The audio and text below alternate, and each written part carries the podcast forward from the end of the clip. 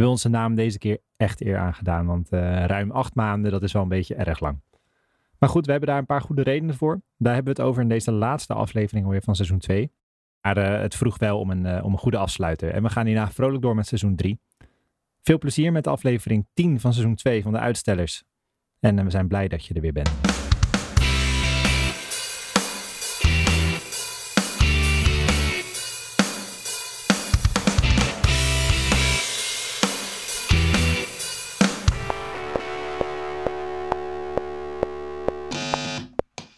Heren, ik heb, jullie, ik heb jullie gemist.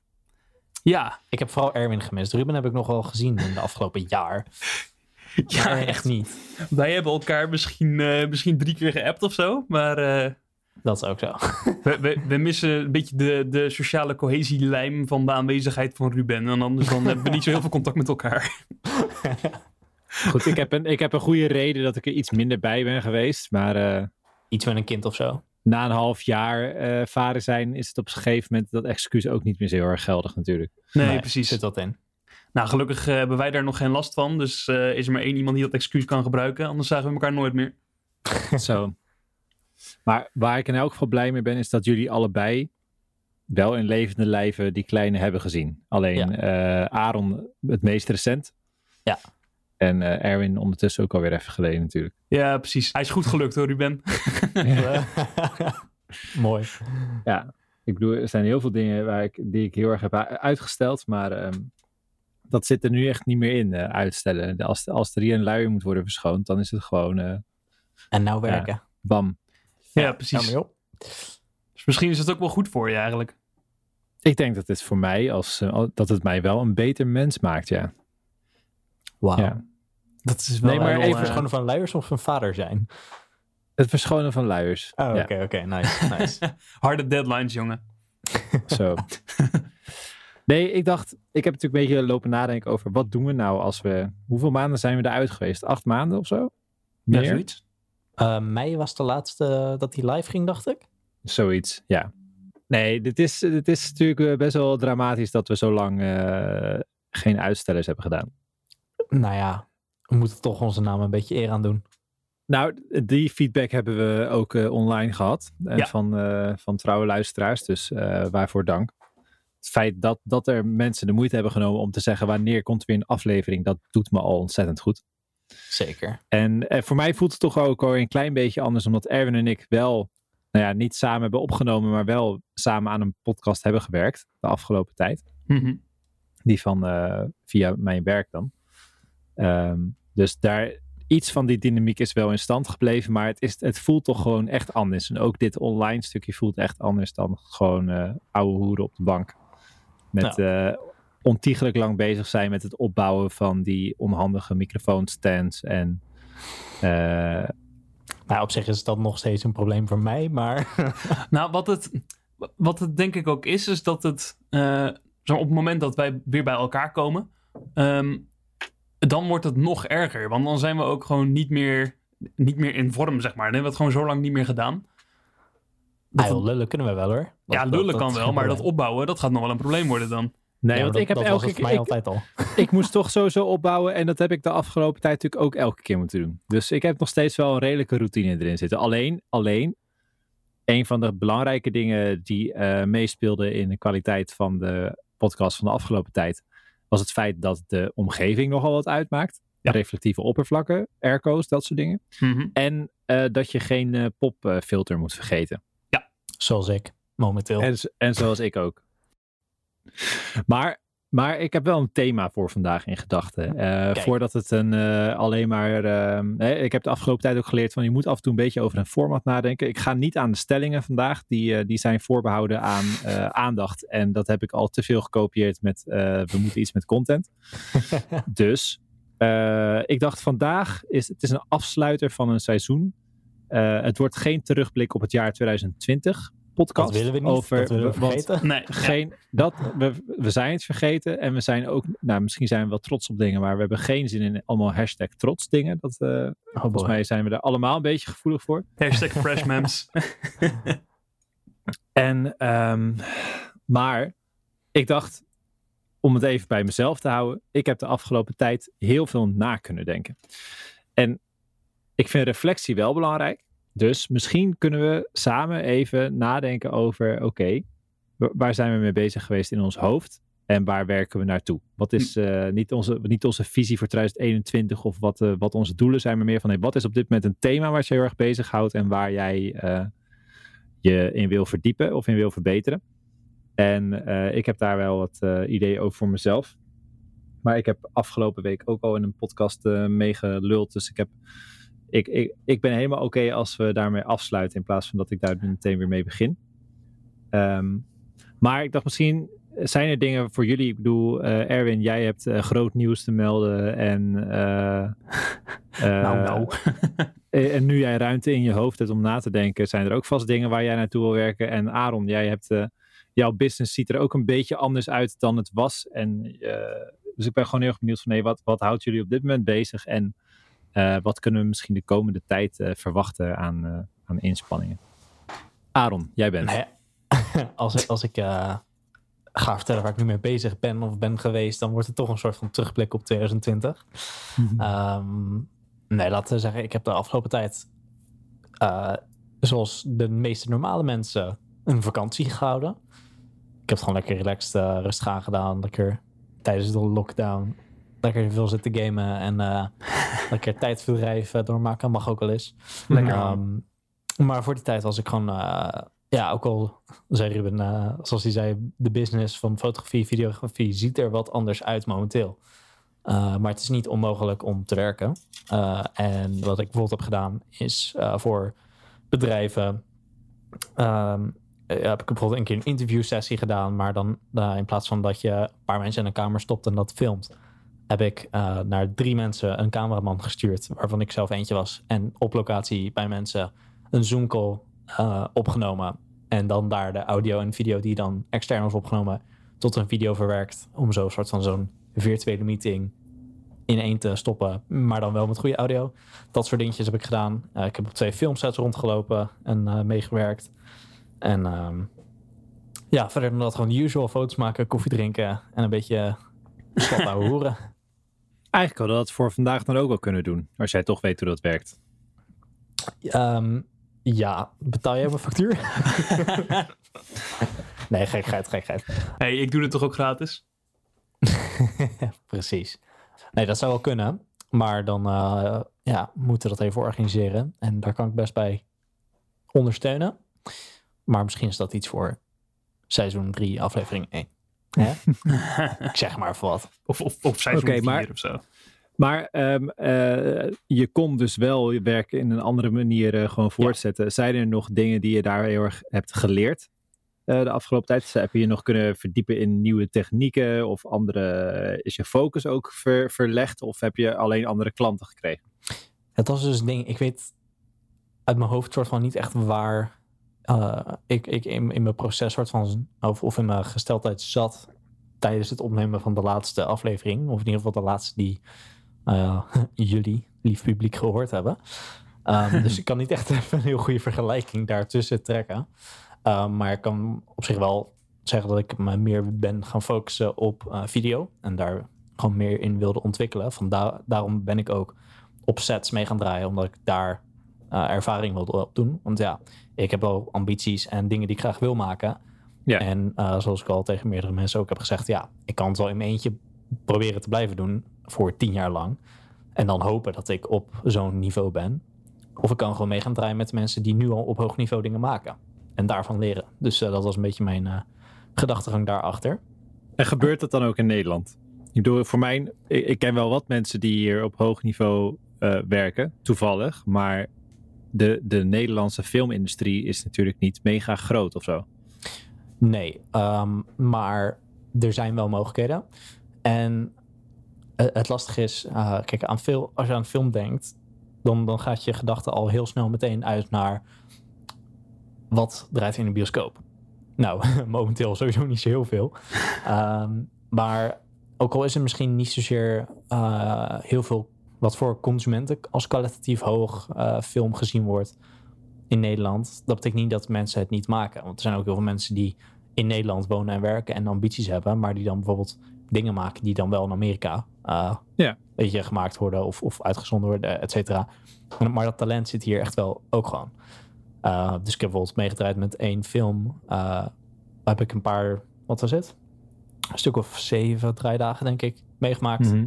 Van de, nou, uiteindelijk moeten er volgens mij 30 worden, maar ik weet niet hoe ver ze nu in het proces zijn.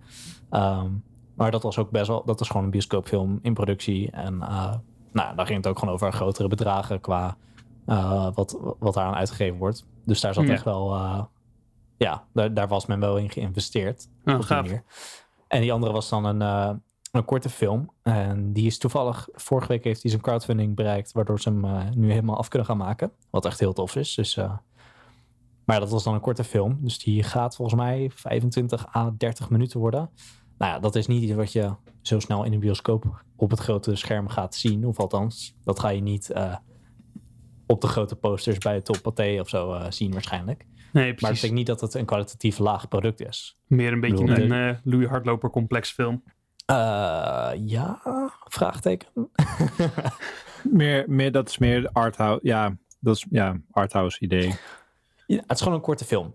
Dus, eh, nou ja, wat ik zeg, een half uur betekent niet dat het kwalitatief minder is. Ehm, ik bedoel, we liepen daar nog steeds gewoon opzet met een mannetje of dertig rond. En dan hadden we het niet eens over de cast, maar dan was het met name gewoon puur van crew en dergelijke. Dus dat was gewoon een, nou ja, voor Nederlandse begrippen een relatief goede, grote set. Ja. Ehm, ik probeer even te denken, ja, op- ik heb toen ook een keertje, wat was het, anderhalf jaar terug of twee jaar terug, heb ik ook op, bij Flikker Rotterdam een keertje als eh, extra, extra, hoe noem je dat in Nederlands?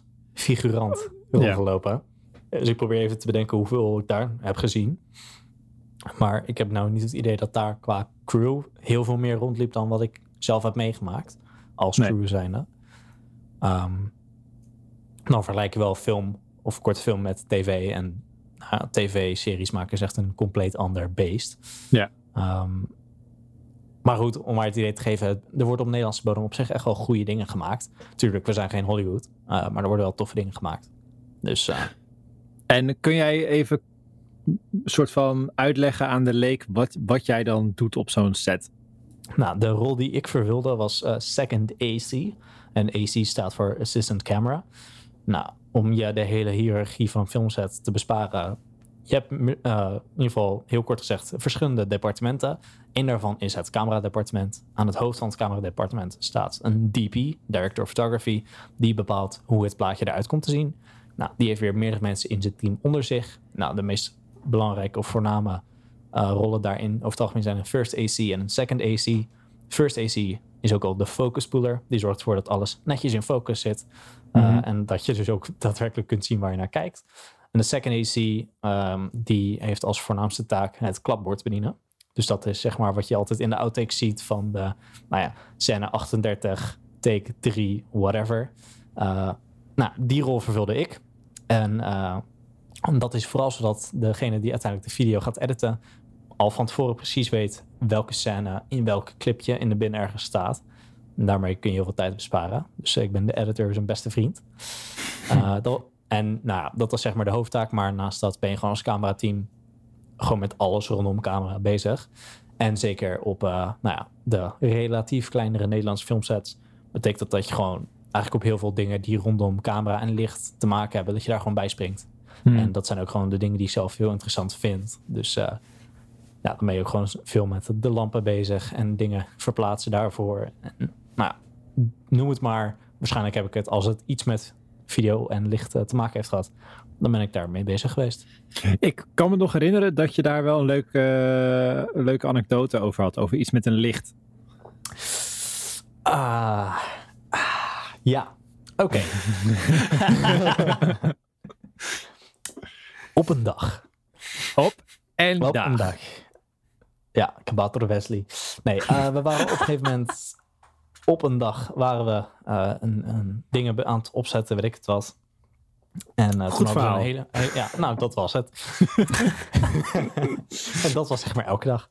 Nee, we hadden toen op die, uh, op die specifieke dag... toen uh, hadden we een flinke truck met allemaal mooie, dure apparatuur... bij ons om nou ja, goed gebruik van te maken. Maar er moesten dus allemaal dingen verplaatst worden van die truck naar de set. Nou, dat geen probleem.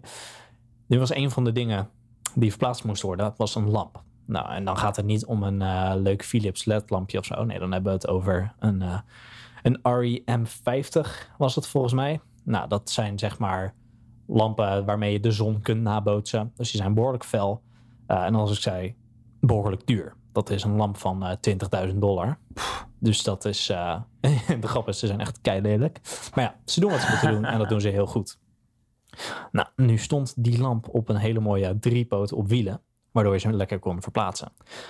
En uh, toen moesten ze van de truck naar de set. Dus ik een van die lampen rolde. En dat ging over zo'n mooie klinkerweg. Dus ik kedeng, kedeng, kedeng, kedeng, kedeng, kedeng. Nou, je, ziet waar het heen gaat. Uh, en toen op een gegeven moment bleef hij achter een klinker haken. Op zich, geen probleem. Drie wielen, dat wil wel blijven staan. Komt goed. Alleen hebben, hebben deze specifieke nou ja, standaarden ook iets wat, uh, dat noemen we een mountain leg. Dus dat is als je een, uh, een, op een helling staat of een oneven oppervlakte, dan kun je één been uh, of één standaard kun je uitschuiven, zodat die langer is, zodat je alsnog wel rechtop kunt staan. En waren ze nou net vergeten om, die, om dat pootje vast te draaien. Dus toen ik bleef haken, klapte dat been in en ging een lamp op 2,5 meter hoogte heel snel naar de grond toe. En dat zag ik gebeuren en toen dacht ik, ja, daar gaan toch flink wat centjes. Laat ik die proberen te redden. dus uh, ik met man en macht uh, proberen die lamp tegen te houden. En dat ging, nou ja, op zich best goed. Het ging alleen wel ten koste van mijn been. Dus op een manier heb ik uh, die lamp standaard ergens met mijn schenen opgevangen. En dat deed best wel pijn. Maar weet je, denk ik, ja, weet je, boeien kan gebeuren. Dus ik gewoon doorwerken. En uh, nou, gewoon heel de dag afgemaakt. En het was ook uh, van die set draaidagen was dat de laatste. Dus uh, nou, helemaal prima. En toen ging dat later toch best wel pijn doen. en niet zo'n beetje ook. En toen is dat helemaal gewoon ontsteken. En dat ging niet zo heel goed met dat been. Dus toen heb ik vervolgens een week of zo niet kunnen lopen. En thuis gezeten. Dus als ook nu nog maar iemand iets te zeggen heeft over Arons werkethos. Nou, hij zat het wel laat. Ik ben bereid om te lijden voor het vak. Precies, een echte leider ben je. Precies. Nee, ja, kijk, weet je, op zo'n moment dan, dan zit je soort van in een flow en dan, denk, ja, dan ben je daar gewoon niet mee bezig. Heb je andere prioriteiten. En het is pas later dat je dan gaat merken van, oh, dat was eigenlijk helemaal niet zo handig geweest. Maar ja, nee. kan gebeuren. Uh, zo, zo, deed, zo, deed, ik dat vroeger ook altijd bij de Albert Heijn als de dingen van de vrachtwagen afvielen en zo.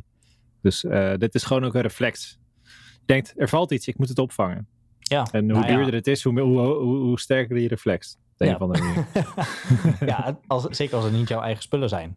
Nee. Kijk, stel het is je eigen spul en je bent ervoor verzekerd, denk je, ah, fuck it, laat maar.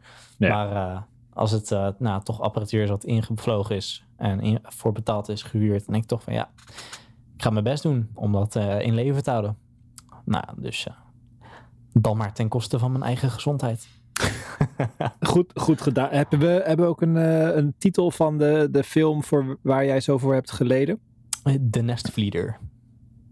The Nestvlieder. Yes. Het is een. Nederlandstalige film en het gaat over een... uh, Een Nederlandstalige film met een Engelse titel. Nee, nee, het is gewoon hartstikke Nederlands. Nestvlieder. Oh, ik vlieder. Nee, een vlieder. Nest- V-L-I-E-D-E-R. Het is gewoon een De beetje, eh, Nestvlieder. beetje Ja. goois. Iets, iets met, nou dat niet, maar dit is gewoon, eh, eh, ja, nest, nest en vlieder. Als een- iemand die het nest verlaat, Nice. denk, ik- denk ik. Zoiets. Dat, ja, daar wil ik nog helemaal niet aan denken, joh. maar maar, maar wel, wel mooi. En, en fijn dat het uitstellers... ehm, hoe noemen we dat? Ik wou zeggen het uitstellers geurtje. Of, eh, maar dat, dat, is, dat is niet het goede woord. Maar dat de invloed van de uitstellers wordt uitgebreid naar, naar cinema. Zeker. Maar ehm, smaakt naar meer? Of denk je, ik heb nu geleerd wat ik moet leren en eh, ik ga weer lekker verder met, eh, met huizen fotograferen en, eh, en video's maken in mijn eentje? Ehm, nou ja, nu, nu is daar op zich niet echt heel erg sprake van. Momenteel ligt echt alles sowieso een beetje stil. En het winterseizoen. En eh, dus producties zijn er volgens mij momenteel sowieso niet veel van. Plus, eh, we zitten in de zoveelste lockdown. En nou, ik weet niet of je het mee had gekregen, maar begin deze week was ook al, of vorige week of zo, eind vorige week was ook al een clipshoot van uh, Famke Louise. Volledig uh, op de bon gezet, zo gezegd, uh, vanwege overtredingen Ook al durf ik te wedden dat je als je een productie hebt van 66 man, dat daar echt wel een uh, corona manager bij is. Ehm, maar goed, momenteel heb ik even niet oog op uh, soortgelijke producties waar ik dan uh, zo per se aan mee zou moeten willen doen. Mhm. er waren wel wat dingen in de planning toen vorig jaar december, die dan ergens rond december geschoten zouden worden. Nou, dat werd ook allemaal opgeschoven. Dus nou, ik weet nu niet wat de toekomst brengt. Maar ik wil zeker wel op dit kaliber werk gaan, meer werk doen. Nou, in welke rol dat dan is, dat, weet je, dat ligt helemaal open. Hmm.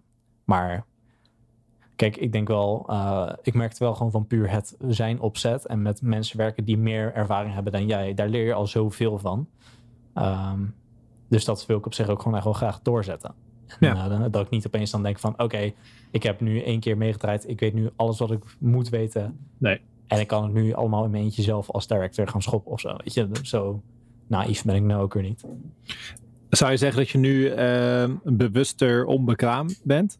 Of uh, denk je van nee, ik zat al op de goede weg en ik heb wat extra tips en ik kan. Uh... Nou ja, um, ik weet niet of dat meer is geworden of zo. Dat heb ik altijd al gehad. Nee, het kan zijn dat je opeens wanneer, wanneer je op zo'n set rondloopt en denkt: oké, zij pakken dit echt anders aan. Uh, ik heb nog zoveel te leren. Dat kan je een gevoel geven van: oké, mijn, ik heb, mijn weg is alleen maar langer geworden of zo. Maar. Ja, nee, dat idee heb ik juist niet gehad. Uh, meer omdat ik het soort van zo snel. Zeg maar, ik mhm. heb nu denk ik in totaal iets van 12, denk ik 12, 13, 14 draaidagen meegemaakt. En nou, in die relatief korte tijd heb ik zoveel meer geleerd en zoveel sneller dingen geleerd. Ehm, ja, dus dan denk ik niet uh, van, oh nee, het is allemaal, uh, ik ben er nog lang niet. Denk ik alleen van, zo, dat is makkelijk snel nieuwe kennis opdoen. Ja. Meer en Het leren van dingen is natuurlijk überhaupt al wel een thema waar we het vaak over hebben gehad uh, met uitstellers. Ja. zou je dan ook zeggen van, nee, als je het vak wil leren, zorg ervoor dat al, al, al moet je koffie serveren met mondkapje op dan.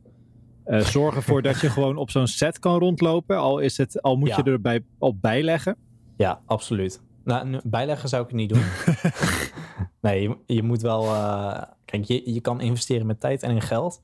Maar als jij je eigen tijd en je eigen geld investeert voor een beetje kennis, ja. Mm, ik uh, zou het vooral voor je tijd doen. Niet voor, mhm niet bijleggen om erop te mogen werken. Dat is echt dikke onzin namelijk. Want je gaat namelijk heel lange dagen maken. Dat kan ik je wel vertellen. Ja. Ehm, maar het er zijn, dat levert in zichzelf al heel erg veel ja, op. Absoluut. En dat ook als je er niet echt voor wordt betaald.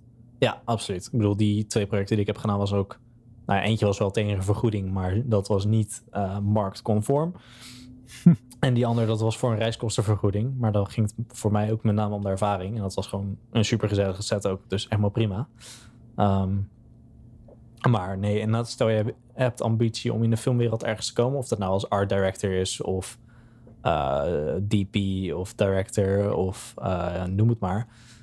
Dan is de beste manier om daar ontwikkelingen in door te maken, is opzet. Ik hoor ook steeds uh, van veel mensen die zeggen van ja, filmschool is wel leuk, maar het meeste ga je pas echt leren als je eenmaal opzet aan het werk bent. En daarmee kun je wachten totdat je, nou weet ik veel, een, een opleiding hebt afgerond en uh, dan probeer wat ervaring op te doen. Of je doet wat ik ook deed en je zorgt gewoon dat je connecties maakt met mensen die nou, op dat niveau wat jij wil bereiken werk maken. Ja. En vraagt of je hun van dienst kan zijn. Ja. Dat leer je veel sneller van. Nou, dat brengt me. We komen zo nog wel bij terug, waarom? maar dat brengt me ook bij Erwin. Want uh, nu jij weer tijd hebt voor dingen en zo, hè?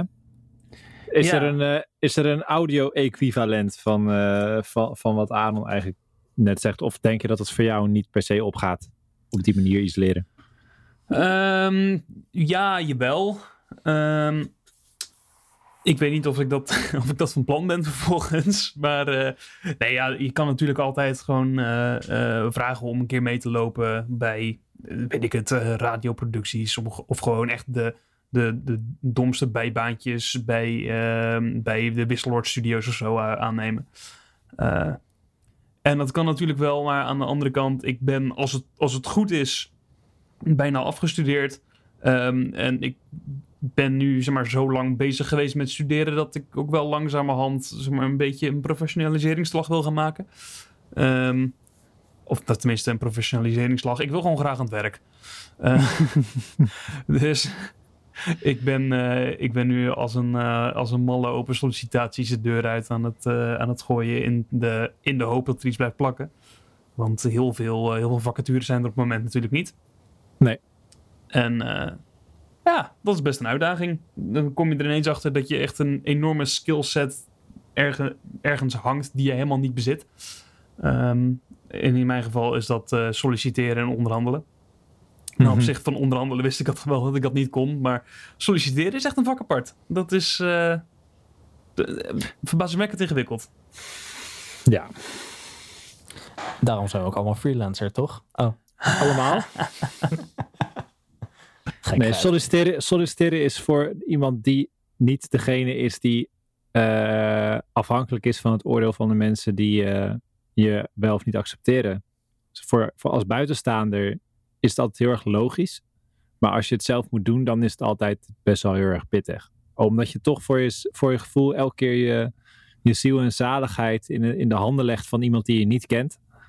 En je al afgewezen kan worden op een eerste ronde waarbij je helemaal geen invloed hebt op hoe men jou, of weinig invloed hebt met hoe, hoe men jou uh, ziet wat voor indruk men van jou heeft. Ja, maar wat, wat er ook bij komt, is dat er heel vaak gewoon de eerste, de eerste ronde is natuurlijk gewoon, um, ja, stuur je brief en een, uh, sorry, stuur je cv en een motivatiebrief op. Um, ja. En dat, ik, ik weet niet hoe dat voor jullie zit, maar dat is voor mij echt zo'n super inauthentieke manier van handelen. Dat ik mezelf voorstel in een brief en dat ze maar zo activerend mogelijk doe, zodat zij mij interessant vinden of zo. Uh, ja. dat, ja, dat, dat voelt gewoon heel erg, uh, heel erg ontvreemdend. Ja, het is lastig. Dit is zo'n ding, zeker als je gewoon op dat moment ook heel graag aan de slag wil, dan is het heel erg lastig om daar ook emotioneel van te distancieren of zo. Ja, precies. Want als ik terugkijk naar de sollicitaties die ik heb verstuurd, waarbij ik wel ben geworden, alle sollicitaties waarbij ik uiteindelijk op een gesprek ben uitgenodigd, heb ik de baan gekregen. Dus ik weet dat dat stukje bij mij wel goed zit. Niet dat ik nu 85 eh, sollicitaties heb gedaan, dat is niet zo. Maar er zijn wel sollicitaties geweest waarin ik niet ben uitgenodigd, omdat mijn cv niet aansloot bij de vacature of wat dan ook. Ja, precies. Terwijl ik dan wel echt mijn best had gedaan om een originele en goede motivatiebrief te schrijven. En ik, ik heb wel daarvan geleerd dat een brief schrijf ik niet meer voor mezelf, maar ik, ik probeer erin te zetten wat diegene die moet beoordelen wil horen of wil zien om zijn eigen keuze te kunnen rationaliseren. Ja, maar dat, dat is dus, dus een stukje waar, ik, waar ik juist heel erg problemen mee heb. Nee, en dat is ook marketing. Ja. je bent nu aan het marketen en daar hou je helemaal niet van. Nee, precies. Ook omdat jij zelf het product bent, zeg maar.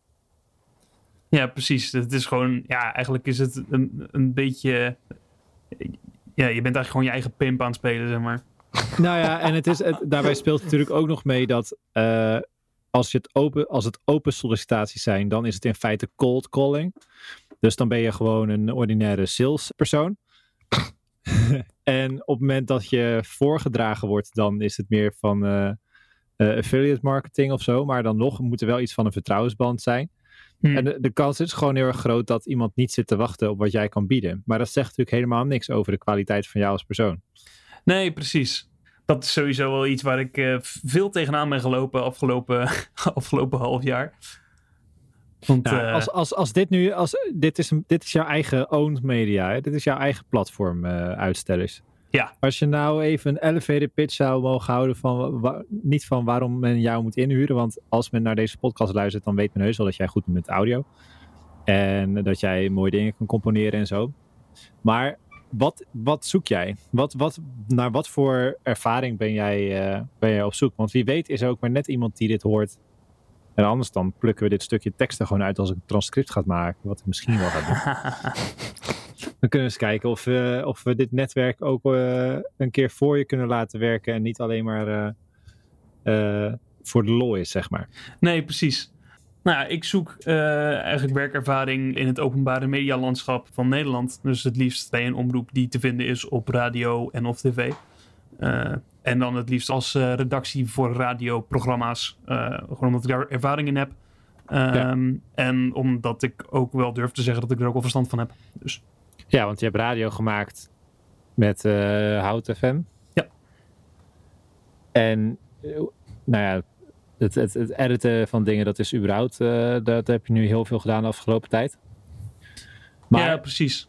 Maar wil jij dit doen gewoon als een, uh, zeg maar, als een dayjob, dat je tijd overhoudt voor je compositieprojecten? of wat, hoe zie je dat voor je? Ja, ik, ik denk het wel. Maar ik, ik vind het ook wel dusdanig leuk werk dat ik het ook niet erg vind om het, om het fulltime te doen. Nee. Ehm, dat is natuurlijk ook waarom, waarom ik dit soort, uh, dit soort werk zoek. Ehm, maar het is natuurlijk wel fijn als ik ook gewoon nog tijd heb om bij te, bij te klussen uh, aan, mijn, uh, aan mijn eigen bedrijf. Maar ik vind het met name gewoon prettig om niet meer 100% committed te zijn aan ZZP'er zijn. Omdat daar ook gewoon een heel groot stuk marketing in zit waar ik niet goed in ben en ook niet gelukkig van word. Dus nee. Nee, dat zijn wel belangrijke dingen om over na te denken. Ik vind dat, dat stukje vind ik juist wel leuk. Maar ik ben nog heel erg aan het zoeken naar wat is nou het, uh, hetgeen wat ik te bieden heb. En tot, totdat ik dat duidelijk heb, ga ik ook niet uh, zomaar in één keer uh, zeggen van nee, nou, ik ben, ik ben nu ondernemer. Wat doe je? Ja, geen idee. Ik kan het wel leuk vermarkten, maar... Hé, hey, dat klinkt een beetje als ik. Nee, maar weet je wat het is? Kijk, ik heb wel heel erg die drang naar autonomie. En er gaat echt wel een punt komen op een gegeven moment dat ik voor mezelf zou gaan beginnen. Maar op dit moment heb ik geen idee wat het zou zijn. Dus ga ik dat niet zomaar doen. Tegelijkertijd heb ik wel de skills in huis om wat dan ook te vermarkten. Niet omdat ik zo goed kan marketeren, maar omdat ik wel goed kan schrijven. En in elk geval weet hoe je een doelgroep kan bereiken. En ik, ik vertrouw mezelf in elk geval wel in dat stukje. Maar ik merk nu aan alles van ja, ik heb nu zo weinig ik heb niet weinig te bieden, maar er is weinig wat ik duidelijk kan omschrijven of waarin ik duidelijk kan aansluiten bij wat iemand nodig heeft of zo. Ik denk dat het misschien ook een beetje lastig is rondom solliciteren en, en je weg vinden. Uh, en dat, dat is dan toch misschien ook een beetje iets wat ik vanwege die setervaring ook heb geleerd. Ja. En dat is ook dat je, je pas soort van echt een beeld krijgt van wat je, wat je tof vindt en wat je wilt doen. Als je meer kennis opdoet van wat er eigenlijk allemaal mogelijk is. Ja. Um, Dus uh, doordat ik op set heb rondgelopen, heb ik gezien, nou, ik had net over die hiërarchie op zo'n set en wat hoe enorm veel verschillende rollen. Door aan mijn hoofd zou ik er nu al iets van 25 kunnen opnoemen aan verschillende rollen op een filmset. Um, en dan heb ik het over een kleine set, weet je. Dus, maar je weet daar pas van eigenlijk als je het ziet, als je het meemaakt. Ja. ja. Eh, je kan een lijstje opzoeken van wat voor banen zijn er binnen de radiowereld. Maar het gaat pas dagen als je inderdaad op een grotere redactie rondloopt en ziet wat voor mensen er zijn, wat voor taken er vervuld moeten worden. Uh, Ruben, als er één ding is waar jij volgens mij goed in bent, dan, is het je eigen taken creëren. Omdat je denkt, ik heb helemaal geen zin in waar ik voor betaald word.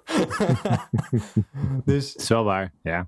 Dus ja, weet je, je, je, merkt dat soort dingen pas als je er bent. Uh, of, of als je ergens bent en, en om je heen kijkt en, en dan weer nieuwe dingen ontdekt. Uh, en, dan, en dan ontdek je ook pas weer waar je eigen passies naar uitgaan. Weet je, wat is in hmm. lijn met inderdaad uh, jouw talenten en waar je die graag in zou willen zetten. Ja. Ik bedoel, ik, ik heb bijvoorbeeld, als je zoals ik ben uh, van YouTube leert hoe je moet fotograferen en video's maakt, dan word je eigenlijk heel erg wijs gemaakt dat het allemaal aan jouw skills met de camera ligt en de camera zelf. Mm En hoe je daar gebruik van maakt. Nou, het eerste wat je leert als je op een filmset rondloopt, is dat van alle departementen die op een filmset rondlopen, camera eigenlijk een van de minst belangrijke is. Want uiteindelijk maakt de camera niet uh, het plaatje. Het plaatje wordt gevormd door, door directie, door art direction, door inderdaad gewoon uh, kostuum, door setdressers, make-up. Allemaal dat soort rollen waar je als camerafanaat in eerste instantie echt niet aan denkt. Die hebben eigenlijk veel meer impact op hoe het beeld uiteindelijk eruit komt te zien. Ja. Je, het is niet, jij bent niet, om even in de mooie buzzwords te blijven, jij bent niet cinematic. Het plaatje wat je produceert is cinematic. En dat is een direct gevolg van wat er zich voor de camera afspeelt. Dus hoe meer jij je focust en, en denkt dat alles met de camera te maken heeft, hoe minder je gaat bereiken wat je wil bereiken. Hm. Als je maar dat is, ook, van, dat is een super mooie metafoor voor überhaupt je plek in de wereld. dit is namelijk een van de dingen die me de afgelopen tijd heel erg heeft bezig gehouden. Omdat je, als je niet uitkijkt, kun je het idee krijgen dat jij dus, net zoals je het gevoel kan krijgen dat jij dat door die camera maar goed te beheersen, jij dat plaatje perfect uh, kan schieten. Als je niet uitkijkt, dan ben je ook volledig gefocust op, op oké, wat, wat doe ik en wat doe ik fout ook als dingen, als je het gevoel hebt dat je niet op je plek zit of zo. Maar het gaat niet per se om, om jij bent ook maar een inwisselbare tool, zeg maar. Dus de vraag is eerder, hoe kan ik op de plek terechtkomen waarbij ik meer invloed heb op het plaatje, dan um, uh, dan zit ik wel op de juiste plek aan zich of zo. Want ja, dat zijn dingen die tijd nodig heeft. Maar de metafoor zit er misschien nog veel meer in het feit van. Er zijn zoveel andere dingen die invloed hebben op het totaalplaatje in het leven. Of in, in, in wat voor werk je ook doet. Ga je niet te veel frustreren als, als jouw visie niet uitkomt. Maar ga dan kijken naar de, de mensen die dat wel hebben. En wat je van hun kan leren. Of uh, hoe je de skills kan aanleren om op de plek terecht te komen waarin je dus meer invloed hebt op het eindresultaat of zo. Mooi, mooie afsluiting of zo. ja, nee, je moet jezelf wel meteen onderuit halen aan het eind. Nee, het is gewoon hard. dit, is, dit, is, dit, is, dit is hard op nadenken. Maar dit is wel ook een ding wat mij door de tijd heen frustreert. Zeker als je begint, dan zie je al wel heel vaak van ja, maar het, volgens mij zijn we met het verkeerde bezig. Of uh, uh, het zou, dit zou efficiënter kunnen. Hè, dat, ja, tuurlijk kun je dingen efficiënter doen, maar hoeveel impact heeft het op het eindresultaat, op het gevoel wat degene die, die de film kijkt, zo te speak, of die uh, een bepaald product in handen krijgt, hoeveel impact heeft het als ik aan deze knop ga draaien? Uh, en dan heeft het dus uiteindelijk veel meer te maken met een visie van iemand die weet hoe al die dingen samenspelen.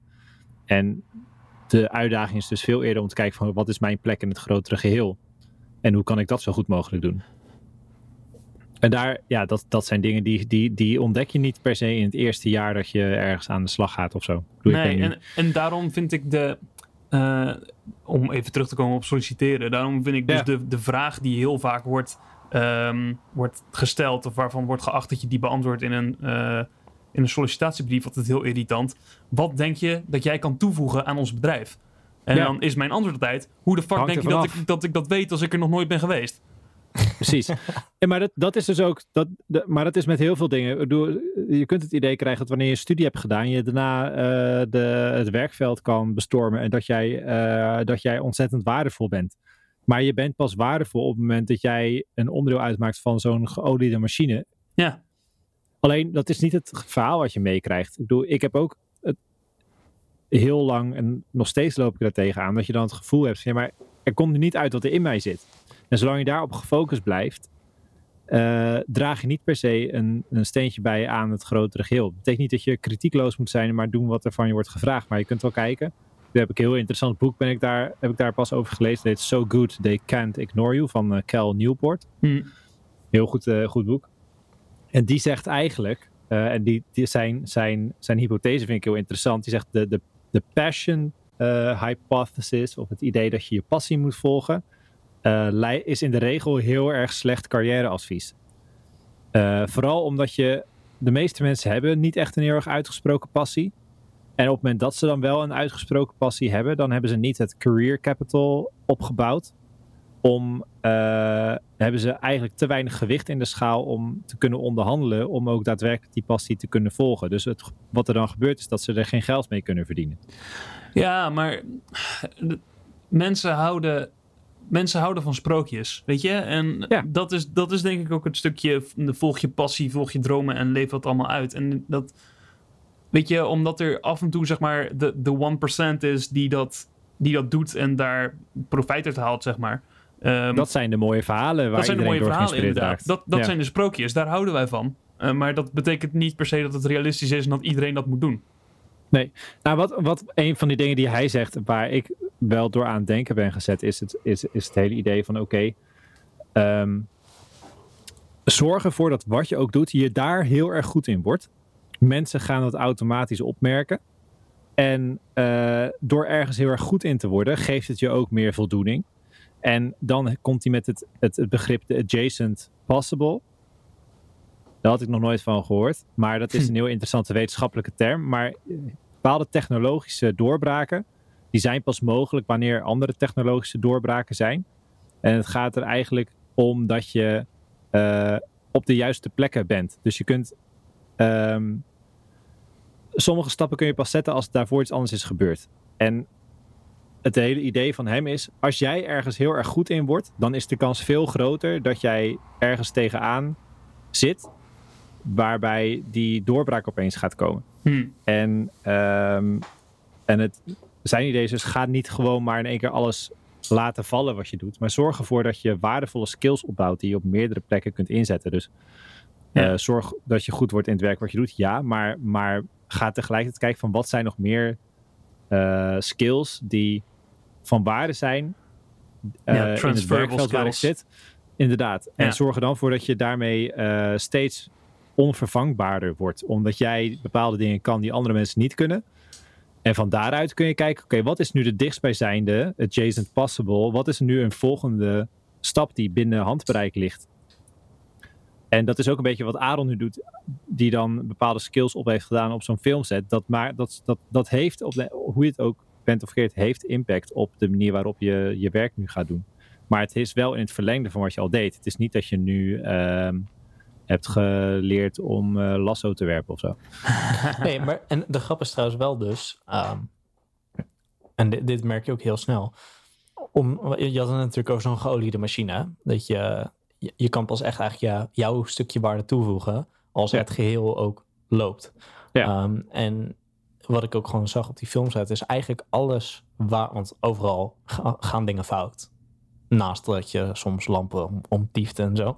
Maar mm -hmm. overal gaan gewoon dingen fout. En 9 van de 10 keer was dat eigenlijk altijd een stukje rondom uh, een gebrek aan communicatie of een gebrek mm. aan uh, door, doorslaggevendheid. Dus dat iemand gewoon geen knopen doorhakte. Um, maar eigenlijk op een van die twee, of er was gewoon niet gecommuniceerd, of iemand hakte geen knopen door. En daardoor gingen dingen altijd fout. Ja. Dus dan leer je eigenlijk ook meteen al van: oké, okay, als ik een succesvolle filmset wil runnen, of als ik zo goed mogelijk in mijn plaats in die machine uh, van toegevoegde waarde wil zijn, dan moet ik in dat vakgebied zeker dan uh, en goed communiceren met mijn team en met mijn andere mensen. En ik moet ook uh, ofwel om doorslaggevendheid vragen slash eisen, of ik mm -hmm. moet zelf knopen doorhakken en, en keuzes maken. Ook al zijn misschien de foute keuzes, maar dan kunnen we tenminste verder. Weet je, eindeloos ja. discussiëren en dan volgens nergens komen. Daar heb je ook niks aan. Nee, dat zijn dan twee skillsets die je dan gewoon leert van... die moet je hebben. Ja. Wil je dit tot een succesvol product maken. En als je aan, aan, iemand op voorhand vraagt... Uh, wat moet ik kunnen om uh, hierbij te kunnen helpen op deze set? Dan zijn dat waarschijnlijk niet de twee dingen waar mensen om vragen. Zeker voor een camerateam. Ze vragen ja. dan een zekere affiniteit en passie voor camerawerk. En net zoals je in een sollicitatiegesprek gevraagd wordt om je competenties rondom het specifieke vakgebied. Ja. Alleen wil je uiteindelijk uh, die, in die rol waar je in hoopt te stappen uh, en dat van toegevoegde waarde zijn in dat bedrijf of in die organisatie, dan gaan daar andere skills bij komen kijken die op ja. voorhand niet bevraagd, beoordeeld uh, of überhaupt genoemd worden, maar die wel echt van essentie zijn. Ja, ja. en daarom heeft solliciteren dus eigenlijk ook helemaal geen zin. Nee. Nou, het is niet, het is niet, het is niet, het is niet de meest, het is niet, nee, dat, dat hoeft ook niet. Maar solliciteren grapje, grapje. is natuurlijk niet per se de meest efficiënte manier om op de juiste plek terecht te komen. Nee. Maar het, het bouwen aan een waardevol netwerk en uh, dingen doen waardoor mensen zien dat jij ergens heel goed in bent, dat, dat is natuurlijk wel waardevol. En dat betekent niet dat solliciteren helemaal geen zin heeft, maar dan is het meer gericht solliciteren. In plaats ja, van de, de, de wishful uh, uh, Hail Mary's uh, spree. kun je, kun je, want, want dat kost ook heel veel energie. Het kost wel heel veel tijd om dat te doen. Ja, ja en dus is het denk ik ook zo van... Um, als jij... Kijk, solliciteren, en ik weet niet van welke schrijver of whatever ik dit heb, want dit is natuurlijk ook niet mijn originele gedachte. Um, Wie maar, heeft er wel originele gedachten, Aaron? Maakt niet uit. True. Nee, kijk, solliciteren is eigenlijk een, ook een tweezijdig proces. Het is niet uh, jij solliciteert naar een baan of, of jij wordt geëvalueerd, maar jij kan ook meteen daar ter plekke al dat bedrijf evalueren. Ja, Als jij ja. duidelijk maakt van hey, ik ben op zoek naar een plek waar ik kan leren, een plek waar ik kan ontwikkelen in een specifiek vakgebied, ik wil meer kennis opdoen, et cetera. En het enige waar jij in dat gesprek om wordt gevraagd zijn jouw competenties in een specifiek stukje. Mm -hmm. En soort uh, vragen vooral naar wat kun jij toevoegen en niet uh, uh, iets over het bedrijf zelf of, of whatever. kan er misschien ook een beetje een, een red flag zijn van hey, dit bedrijf is zo gefocust op zichzelf en niet op, op investeren in mij of, of wie dan ook die deze positie moet vervullen. Ja. Ook wordt het geadverteerd als een traineeship, maar eigenlijk zijn ze vooral bezig met uh, kunnen we jou voor allemaal dingen laten rennen? Dan kun je ook al meteen denken van oké, dit is waarschijnlijk niet de plek voor mij. Dus je, mag ook gewoon die uh, sollicitatiegesprekken of, of wat voor processen je ook instapt om ergens te komen, mag je ook gewoon gebruiken om de bedrijven te evalueren. Is dit waar ik wil zijn? Niet en daarom willen zij mij, mij hebben. Maar daarom is het ook wel. In, maar dat is dus eigenlijk pas de volgende stap. Daarom is het interessant om een sollicitatiegesprek te hebben. Want dat kun je natuurlijk wel hacken door je te gedragen als een goede strategische freelancer. Dus in plaats van dat jij daar het gevoel hebt dat je moet gaan vertellen hoe goed jij wel niet bent, kun je juist ook heel gerichte vragen gaan stellen. Op het moment dat ze jou vragen, oké, wat denk je wat jouw toegevoegde waarde is, zeg je nou dat hangt er nog wel af. Welk probleem proberen jullie met elkaar op te lossen? Of je gaat vooronderzoek doen om uh, te kijken uh, wat is nou het doel van dit bedrijf? Wat zeggen ze daarover? Wat, wat doen ze? Je kunt natuurlijk wel op die manier ernaar kijken. In plaats van je helemaal aan ze, aan, ja, je, jezelf aan het lot over te laten of zo. ja, Alleen het lastige is dat, dat zeker als je met recruiters gaat praten, uh, wat trouwens een hartstikke goed beroep is. Tegelijkertijd zijn dat niet per se altijd de mensen die het meest kunnen vertellen over de, ja, de doelstellingen van een bedrijf of de grotere visie zij zijn gewoon heel erg goed in het, in het selecteren op basis van competenties en wat voor persoonlijkheid iemand heeft. Maar dat betekent niet altijd dat je daarmee de juiste fit wordt voor de, de plek waar je op terecht komt of zo. Dus ik vind het ook wel lastig. Ik, ik, ik heb mezelf voorgenomen om nooit meer te solliciteren. Dus als ik een keer een stap ga zetten, dan ga ik voor mezelf beginnen. Maar nice. ja, maar als ik een bedrijf wil starten, dan wil ik ook geen eenpitter worden. Dus dan komt er ook een moment dat er mensen bij mij komen werken. Maar dan ga ik niet vacatures plaatsen, denk ik. Dan ga ik uh, op een andere manier kijken hoe ik in contact kan komen met mensen. En dan, dan moet er ook... Maar goed, wie weet praat ik over een paar jaar heel erg anders hoor. Ja. Nou, ik, um, ik wil ook nog even terug, uh, teruggrijpen op een, um, op, op een ander, andere term die net gevallen is. Namelijk het, het idee van transferable skills. Um, mm -hmm het is heel interessant. Een hele goede theorie. Alleen in, in, in de praktijk uh, werkt het vaak wel zo dat daar eigenlijk voor dat stukje is eigenlijk geen ruimte binnen, binnen een bedrijf of binnen een universiteit bijvoorbeeld. Mm um, ja, daar ben ik echt de afgelopen half jaar dus heel pijnlijk tegenaan gelopen. Omdat ik dus bezig ben geweest met afstuderen.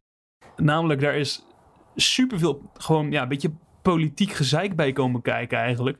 Um, omdat ik iets wilde doen waar ik goed in was. Um, En waar ik een soort van toegevoegde waarde in zag. Waar mijn begeleider geen toegevoegde waarde in zag. Uh, ja. En ze zegt, ja, weet je, um, uh, dit is gewoon niet, uh, niet nuttig genoeg. we hebben iets nodig wat, zeg maar, meer maatschappelijk toepasbaar is of zo. Ja. Um, daar heb ik al vrolijk niet naar geluisterd, moet ik heel eerlijk zeggen. En ik heb mijn eigen, mijn eigen onderzoek uitgevoerd. Uh, daar super interessante resultaten in, uh, in behaald. Mm -hmm. dat allemaal super goed gedocumenteerd, dat weer opgestuurd. En dan krijg je teruggestuurd omdat ik ergens twee witregels te weinig had toegevoegd. en dan hou je je niet aan het format. Dus nou ja, balen. Maar dan moet je hem nog een keer opnieuw inleveren. Daar, daaruit blijkt gewoon aan de ene kant heel erg dat je gewoon heel erg op format wordt beoordeeld. En totaal niet op wat je nou eigenlijk hebt gedaan en hoe goed je, hoe goed je hebt uh, hoe goed je hebt nagedacht, goed je onderzoek hebt gedaan naar wat je wilde onderzoeken. Um, maar er wordt ook helemaal niet naar dat stukje personal strengths gekeken, waar uh, de meeste universiteiten in Nederland heel trots over zeggen dat ze juist op, op, de, op de persoon gaan kijken, eh, zeg maar dat ze persoonlijke groei willen ontwikkelen en zo. Dat is allemaal mm -hmm. eigenlijk gewoon, gewoon onzin. Dat is gewoon, is gewoon een dikke lul. Ja, er is, geen, er is geen ruimte voor het ontwikkelen van die transferable skills. En er wordt heel vrolijk over gepraat um, door, door de meeste universiteiten. Mijn, mijn vriendin heeft er zelfs ook nog een, echt een paar colleges over gehad. Van wat voor transferable skills heb je de afgelopen jaren nou opgebouwd? Um, maar ik denk dat de conclusie heel vaak is dat die er niet zijn. Nee. Nou ja, het kan wel, maar die, worden in elk geval niet van je verwacht. En ze, worden, ze zijn ook niet nodig om je studie te halen. Nee, maar die precies. zijn wel nodig voor jezelf om het een beetje interessant te houden. Absoluut. Maar dat is dus wel ehm, aan de ene kant, dat neem je natuurlijk mee als je gaat solliciteren. Dat je eigenlijk heel weinig relevants hebt gedaan. Ehm, maar binnen Als, het. ja, als je puur kijkt naar je studie, ja. Ja, maar binnen een bedrijf gaat het ook niet om hetgene wat je doet binnen het bedrijf. Dat is niet je transferable skill. Het is juist veel meer p- probleem, eh, oplossingsgericht denken. Mhm. Bijvoorbeeld is een hele grote transferable skill eh, die, je kan, die je kan meenemen eh, vanuit een bedrijf.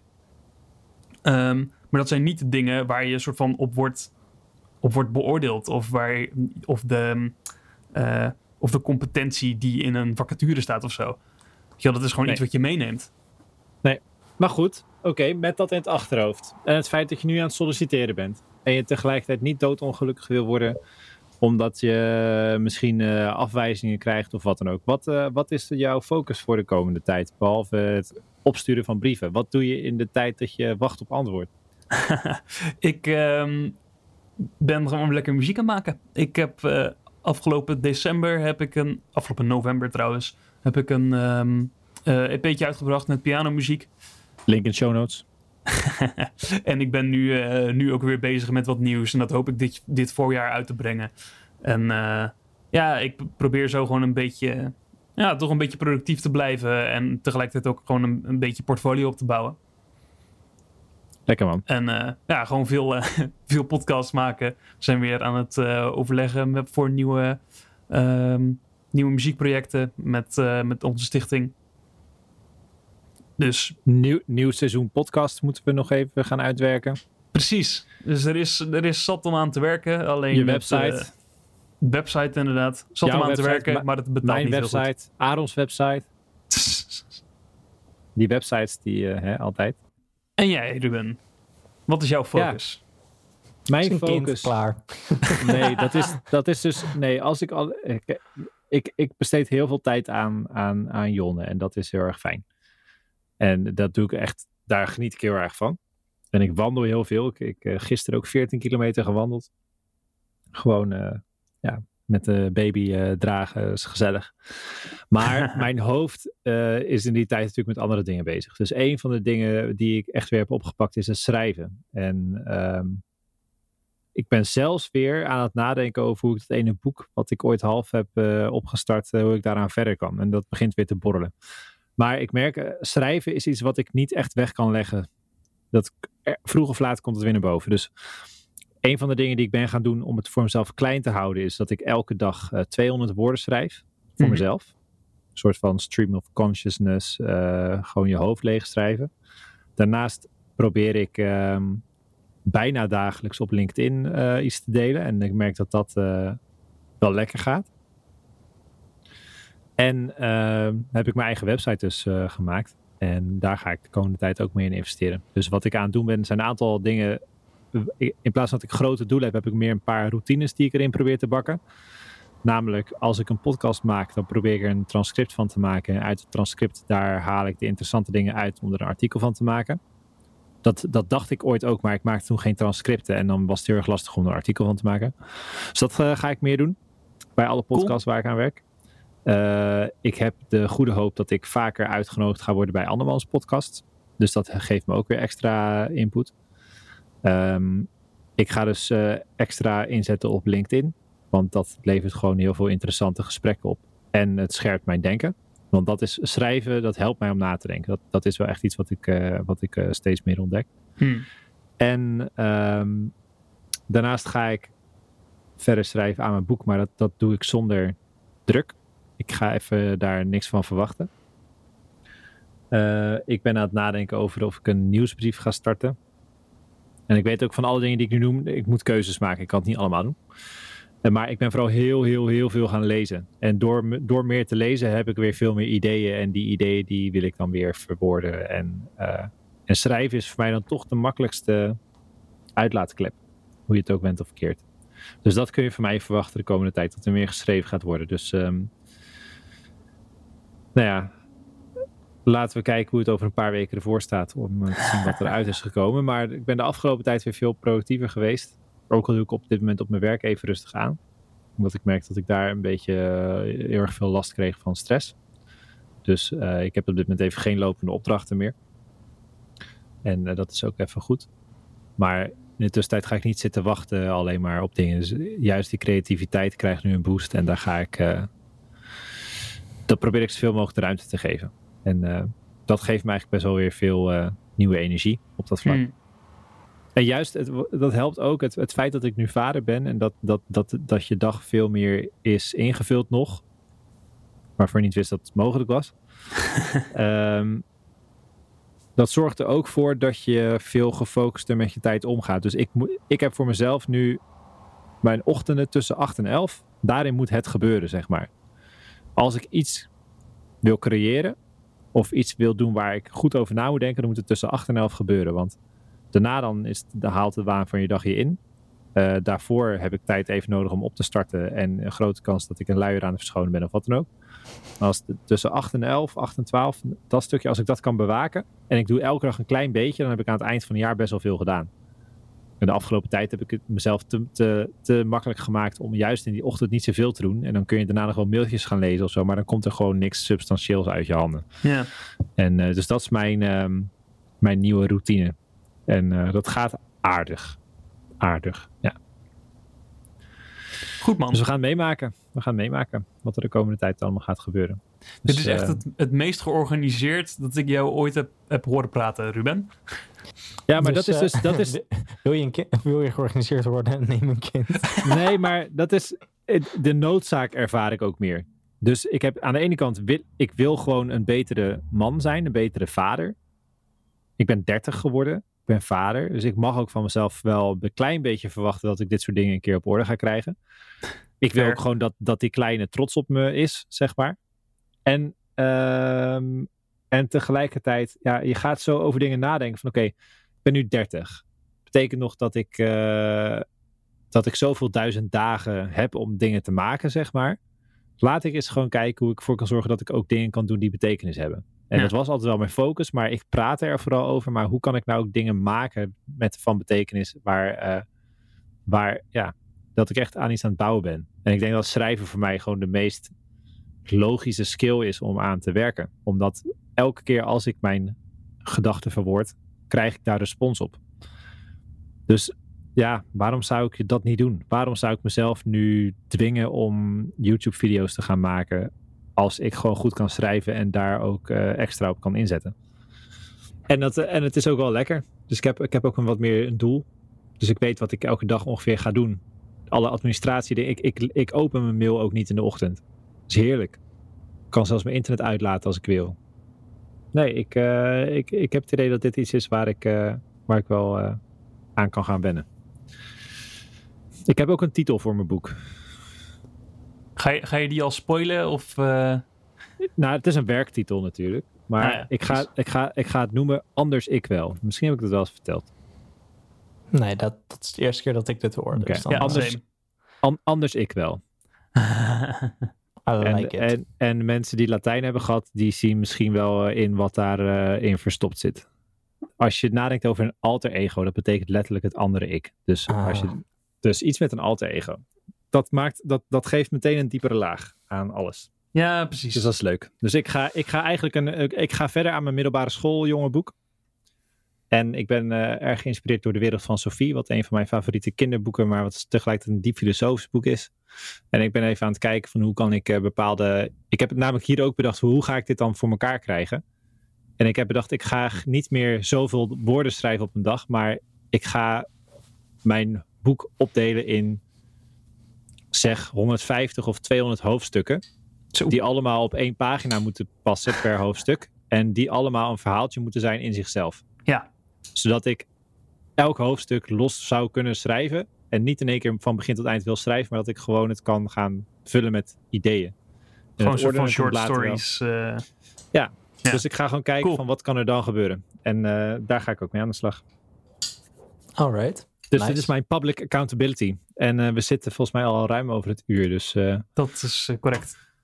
Ja, ik zou zeggen laten we richting een afronding van dit seizoen gaan. Want we hebben mooie plannen.